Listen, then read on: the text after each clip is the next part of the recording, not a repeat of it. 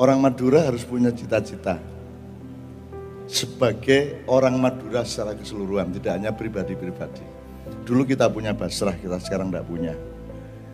Katakanlah, ya, kita butuh Basrah lagi enggak? Untuk mengantisipasi masa depan, untuk keselamatan bersama dan berkah bersama seluruh masyarakat Madura. Jadi nanti kalau saya dari dulu sebisa-bisa selalu bantuin kok.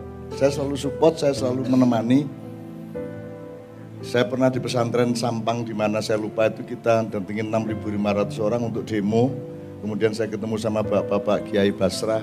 Saya lupa juga tempatnya untuk urusan Pak Harto pada waktu itu. Anda tahu juga kasus Sampang, ya, kasus Nipah, ya, almarhum Kiai Alawi dan seterusnya. Itu saya dikejar nyun sewu Pak, Pak Kapolres. Saya dulu kejar-kejar tentara dan polisi ya di antara Sampang dan Bangkalan ini. Betul-betul kejar-kejaran saya. Cuman polisi Sampang tidak punya hak di Bangkalan. Jadi ketika saya sudah melintas ke Bangkalan, mereka tidak bisa nangkep saya lagi. Ya zaman dulu lah. Saya juga tidak bangga dengan itu. Wong teman-teman polisi sama saya sebenarnya baik-baik saja secara pribadi. Cuman karena penugasan dari atas ya, kadang-kadang bikin pusing kan begitu kan. Polisinya sendiri juga nggak enak gitu loh. Tentara waktu itu sama Kodim. Oke, gini. Jadi pertanyaan kita sekarang adalah Madura hanya orang-orang Madura kerja sendiri-sendiri ataukah dia sebuah fadilah dari Allah yang memang tidak untuk Jawa, tidak untuk orang-orang yang lain. Maka Madura harus punya kolektivitas atau kumpulan pertahanan diri dan pembangunan dan kebangkitan yang lebih besar ke depan. Satu. Katakanlah kalau lewat Basrah kita butuh lagi nggak Basrah? Itu satu. Nomor dua, sekarang ini ada pilpres ada Anda nyambut gawe kerja, terus ada urusan-urusan yang bermacam-macam lain, di dalam diri Anda, Anda harus punya persentase. Untuk anak istrimu berapa persen dari energimu, untuk pesantrenmu berapa persen, untuk pilpres berapa persen, untuk urusan nasional berapa persen, dan sebagainya. Kalau tidak di, kalau tidak dipaket dengan tepat, nanti serabutan kerja Anda.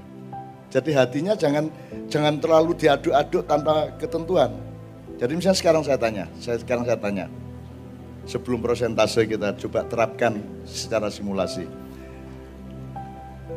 Kalau Anda mau kawin, Anda kan mesti tahu calon istrimu. Ya, apa aja Pak dalam Islam Pak, nasabnya. Maliha. Maliha. Ya. Uh, harta benda latar belakangnya. Yang pertama jamaliha. Jamaliha kecantikannya. Ya terus lima liha, maliha, waliha sabiha, ya. terakhir lidiniha. Lidiniha. Tapi itu garis bawah. Fatfar bidatidin taribat yada. Oke. Sekarang saya tanya, untuk mengerti malnya, nasabnya, uh, satu lagi apa? Jamalnya dan dinnya, itu Anda pakai hitungan akal enggak? Pakai akal pikiran enggak? Untuk mendata dia anaknya siapa pakai akal apa pakai hati? Anda ke pasar ngitung pakai akal apa pakai hati? Akal. Oke, gitu ya. Sekarang saya tanya. Pengetahuan Anda tentang calon istri, kalau tidak lengkap Anda kawin nggak?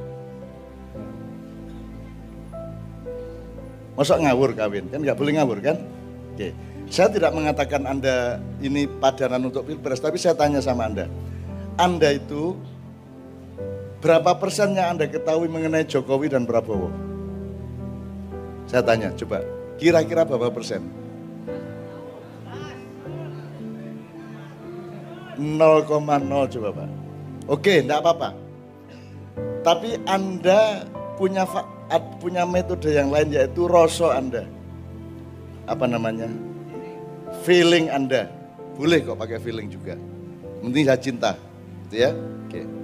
Nomor tiga, kalau Anda tidak, kedua-duanya tidak bisa, Anda masih punya satu metode yaitu iman. Pokoknya siapa saja, semau saya, semantap saya, saya pilih, tapi saya serahkan ke Allah. Ada ayat itu Pak, apa? Mayatawakal ala Allah fahuwa hasbuh. Enggak, ini. Ya'lamu khainatahu ayun wa ma tukhfis sudur. Ah, khainat khaina khainatal ayun wa ma tukhfis ya. sudur. Anda misalnya baca ini. Baca enam kali, Allah tahu loh kalau kamu berkhianat. Dan Allah tahu loh yang kamu sembunyikan, wahai Prabowo, wahai Jokowi, gitu ya. Baca enam kali, coblos, seret. Nanti ada apa-apa Allah yang ngurusi dia. Jadi tetap tidak usah punya data juga Anda tetap nyoblos bisa. Ngapain kita bertengkar? Ya kalau dulu orang caruk di Madura karena istrinya disenggol orang. Ini apa loh yang dipertengkarkan itu apa coba? Untuk cita-cita masyarakat Madura, untuk support Indonesia, support umat Islam, support dunia. Tapi dengan kekuatan Madura secara kolektif, itu Anda kasih berapa persen dari energi hidupmu? 10, 20, 30? 40 persen. Usul beliau. Mungkin Anda tidak kuat sampai 40 persen. Nyambut gaya ini berapa?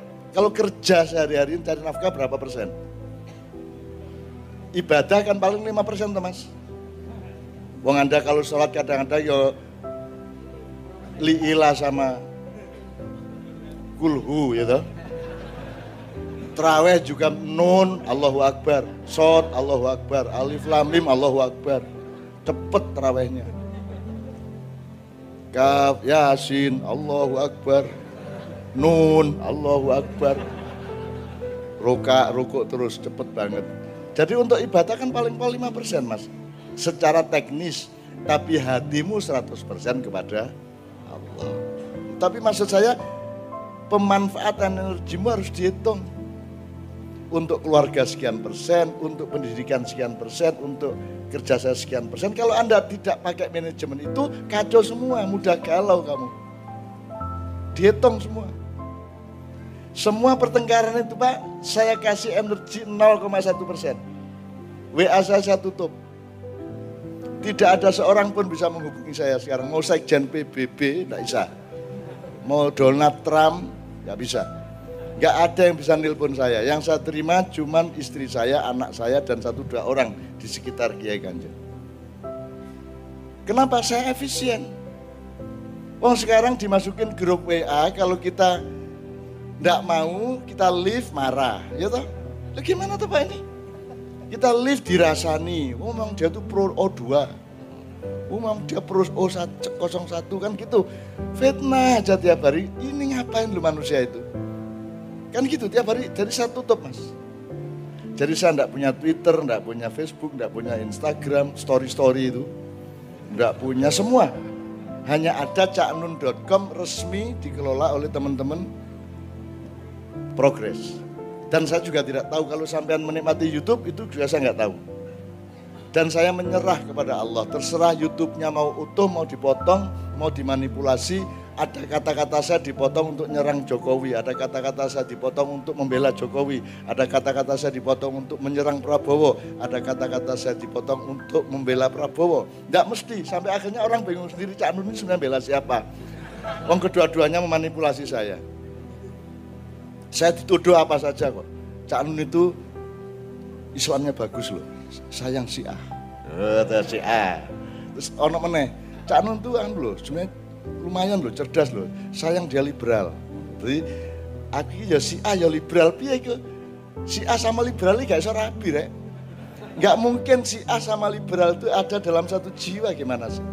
Aku iki ya ya NU ya Muhammadiyah ya si A ya liberal ya ateis ya segala macam saya dituduh semua akhirnya semua tuduhan batal dengan sendirinya tanpa saya bereaksi aku meneng tak jarno ya akhirnya batal-batal dewe kenapa lah nuduh kok yang satu nuduh putih satu nuduh merah satu nuduh hitam akhirnya kan batal semua yang jelas tidak ada kok jadi saya tidak mau keluarkan energi untuk pertengkaran apa pun aku hanya punya energi untuk bercinta bermesraan dan menyayangi semua tidak punya saya yang lain Gitu Pak Pak Kapolres. Makanya kemarin malam kita di Polres Jepara. Gitu ya, kemarin malam. Kemarin lusa. Pak Sambil datang ya? Enggak ya? Enggak. Jadi kita sering sekali dengan polisi Pak. Di Karanganyar Polres, di Grobogan Polres, terus Kediri Polres, di mana-mana. Gitu. Jadi saya sama polisi sangat dekat. Dan saya tidak mempersoalkan Pak polisi ini korupsi atau tidak, aku nggak mempersoalkan. Terus gede-gede lah, apa tak urusi. Gue naik kena lah, kena dewi. Kalau kena OTT kan kena kena sendiri kayak yang Kapolres Kediri. Habis acara sama kita besoknya kena dia. Lu saya kan tidak tahu. Saya tahunya Anda hamba Allah, Anda manusia, Anda bangsa Indonesia, saya sayangi Anda, Anda tahu yang benar, yang salah bagaimana, itu urusanmu dan itu kedaulatanmu dan tanggung jawabmu. Kenapa saya ikut turut campur? Saya tahunya menyayangi Anda dan menambahi pertimbangan supaya Anda lebih matang, lebih benar, lebih baik. Kan gitu toh. Enggak kok terus saya kalau deket sama Pak Kapolres berarti saya pro ini. Kalau saya enggak mau diundang Polres berarti saya pro itu. Gimana tuh kok pra pro, pra pro, pra pro. Cuman beli sate Madura dianggap anti rawon Surabaya. Enggak, aku ini pas, aku ini pas beli sate Madura, besok saya beli rawon. Enggak kok terus saya makan rawon berarti anti sate, makan sate berarti anti rawon. Ini wong gendeng wong Indonesia ini. Gitu loh. Repot banget dan itu sebentar Pak, enggak, enggak lama kok. Nanti cuman saya wanti-wanti Pak ya di Bangkalan. Pokoknya mulai April sama Oktober sampean harus menjadi manusia Indonesia sejati yang tidak mau bertengkar dengan sesama manusia Indonesia. Anda jangan ya anda jangan menjadi satu pihak yang bersaing dan bertengkar dengan lainnya. Semua yang datang ke sini saya mohon menjadi orang Indonesia. Kamu pihak siapa? Pihak Indonesia. Gitu aja. Kamu pro siapa? Pro rakyat Indonesia. Gitu aja. Anda yang pilih Jokowi harus mendesak Jokowi agar pro rakyat Indonesia. Anda yang milih Prabowo harus mendesak Prabowo untuk pro Indonesia. Jadi yang menang bukan Jokowi, bukan Prabowo, yang menang adalah rakyat Indonesia. Ngono loh caranya. Apalagi yang jomblo-jomblo itu Pak Kapolres. Nggak ngurusin calon istri bertengkar di medsos. Sesuai kuter loh kono. Ngapain bertengkar itu loh? Sing enak itu bermesraan. Sayang menyayangi, saling memberi gitu loh. Sing enak itu itu hidup tuh nikmat kok kamu menghilangkan kenikmatan tapi di sini enggak kok di sini enggak. Saya semua yang di depan saya itu orangnya bahagia. Latihan hidup di surga. Karena hidup surga itu kayak gini, Pak. Tidak ada pamrih harta, tidak ada perbuatan buruk. Di sini kan enggak ada tidak ada, tidak ada dengki di sini tidak ada. Tidak ada. Berarti sampean ini sudah latihan hidup di surga. Berarti memang penghuni surga. Ojo amin memang iya. Itu aja kalau saya. Lo kok memastikan tidak memastikan, saya yakin. Yakin kan bukan kepastian. Yakin kok. Kok tidak boleh itu loh. Yang tidak boleh kan kamu pasti masuk surga itu. Ini yakin saya. Yakin. Orang itu buruk, saya rangkul dan saya yakin kamu orang baik. Jadi baik loh dia. Saya difitnah orang, dibunuh orang, saya rangkul, saya maafkan dia, dia jadi orang baik. Semua yang bersama saya menjadi orang baik. Aku nggak pernah nyuruh anak maknya sholat. Ya tak nggak pernah tahu. Masuk sholatnya dikongkon. Masuk sholat aja perlu saya. Sholat aja kan tinggal bersyukur sama Allah. Rasa salah sama Allah tinggal sholat. Masa kamu tidak sholat? Hidup kok tidak sholat?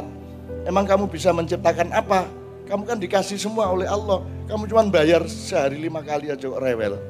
Gitu aja kok tak burui. Tapi ternyata anak maknya jadi rajin sholat. Pak polisi jangan khawatir ya kalau anak-anak yang bersama saya.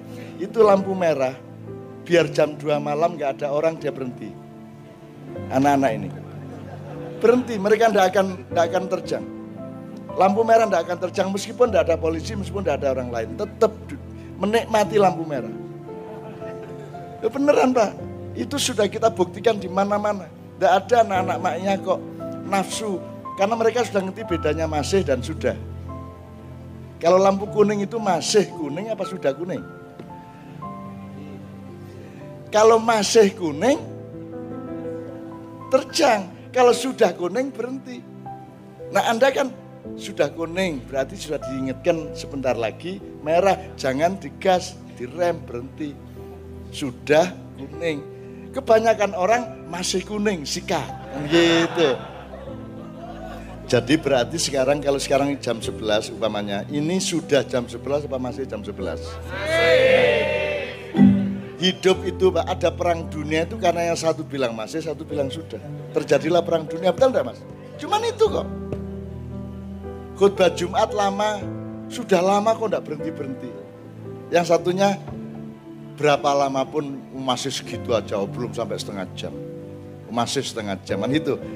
Jadi hidup itu tidak pada faktanya, tapi pada hatimu bagaimana memperlakukannya. Betul enggak? Gitu loh mas. Ini kopi, maaf Anda tidak dapat. Oh dapat dapat, ya maaf. Ini kopi ini nom- tidak nomor satu bahwa ini adalah kopi. Yang nomor satu adalah bahwa lidahmu bisa merasakan ini kopi bukan teh. Betul enggak? Meskipun saya kasih dikasih kopi 10 gelas, tapi kalau lidahmu tidak bisa merasakan kopi, apa dia kopi?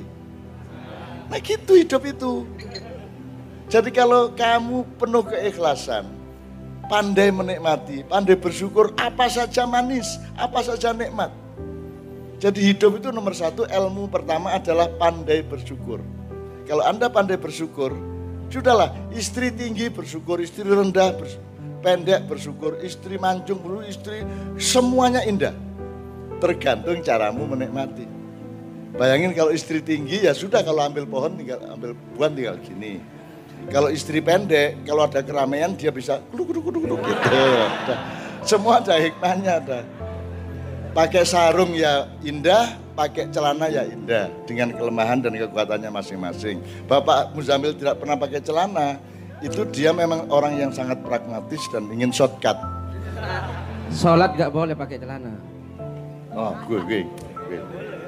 Gak boleh kan? Iya. Masa sholat sambil pakai celana? Nah, ini ya, ini Pak, kita itu latihan berpikir. Dan saya tuh ada loh yang marah sama saya gara-gara saya ngomong, siapa bilang babi haram? Wah, ada yang marah sekarang. Cak Nun tuh gimana babi kok enggak haram? Loh, enggak haram. Haram itu kalau kamu makan. Kalau kamu keloni enggak masalah. Cuman kamu gendeng kan gitu. Ini punya detail ya Mas ya? Nah ada anu, ada cerita Kiai Madura dan Kiai Jawa. Iya, iya, Oh ya, gak Jawa lah Kiai lain, dua orang Madura biar gak mersinggung. Oke. Gitu ya. Jadi ada seseorang makan ini cak, makan di piring yang tadinya dibuat makannya anjing, gitu ya. Jadi ada apa? Anjing makan di situ, terus oleh orang dimakan, piringnya dipakai untuk ma untuk makan. Tanya sama Kiai, Kiai, gimana ini? Ada orang makan pakai piring yang tadinya dimakan oleh anjing. Gimana kayak itu hukumnya? Oh itu gak boleh. Haram tuh. Betul gak? Iya. Saya tanya pada kiai satunya. Dia gak puas. Ingin sampai tiga kiai. Tanya ke yang kedua. Lebih keras lagi. Wah itu najis mughallab tuh. Harus dicuci. Sak mulut-mulutnya. Tujuh, tujuh kali dicampur dengan debu. Sak jero-jero nih. Nah, gitu. Gitu. Terus dia gak puas. Datang ke Madura tanya sama Kiai Madura gitu ya. Kiai gimana kalau begini? Gak apa-apa itu. Akhirnya pidato dia di mana-mana. Wah ternyata Kiai Madura menghalalkan mentidak najiskan anjing. Hanya panggil oleh Kiai, kamu kok bilang gitu? Iya Kiai kan Kiai bilang gitu. Itu kan baru koma, belum titik. Kamu baru koma, kamu pulang. Terus bagaimana maksudnya Kiai? Kok gak apa-apa? Oh sama-sama anjingnya kok.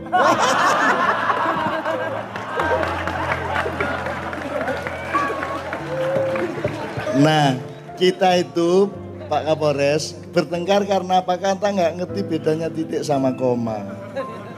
Sholat subuh haram koma karena sekarang jam 11 malam. Kamu pulang tadi, ya toh, komanya belum diterusin kan gitu, gitu loh. Wah, itu Sama-sama anjing. asik.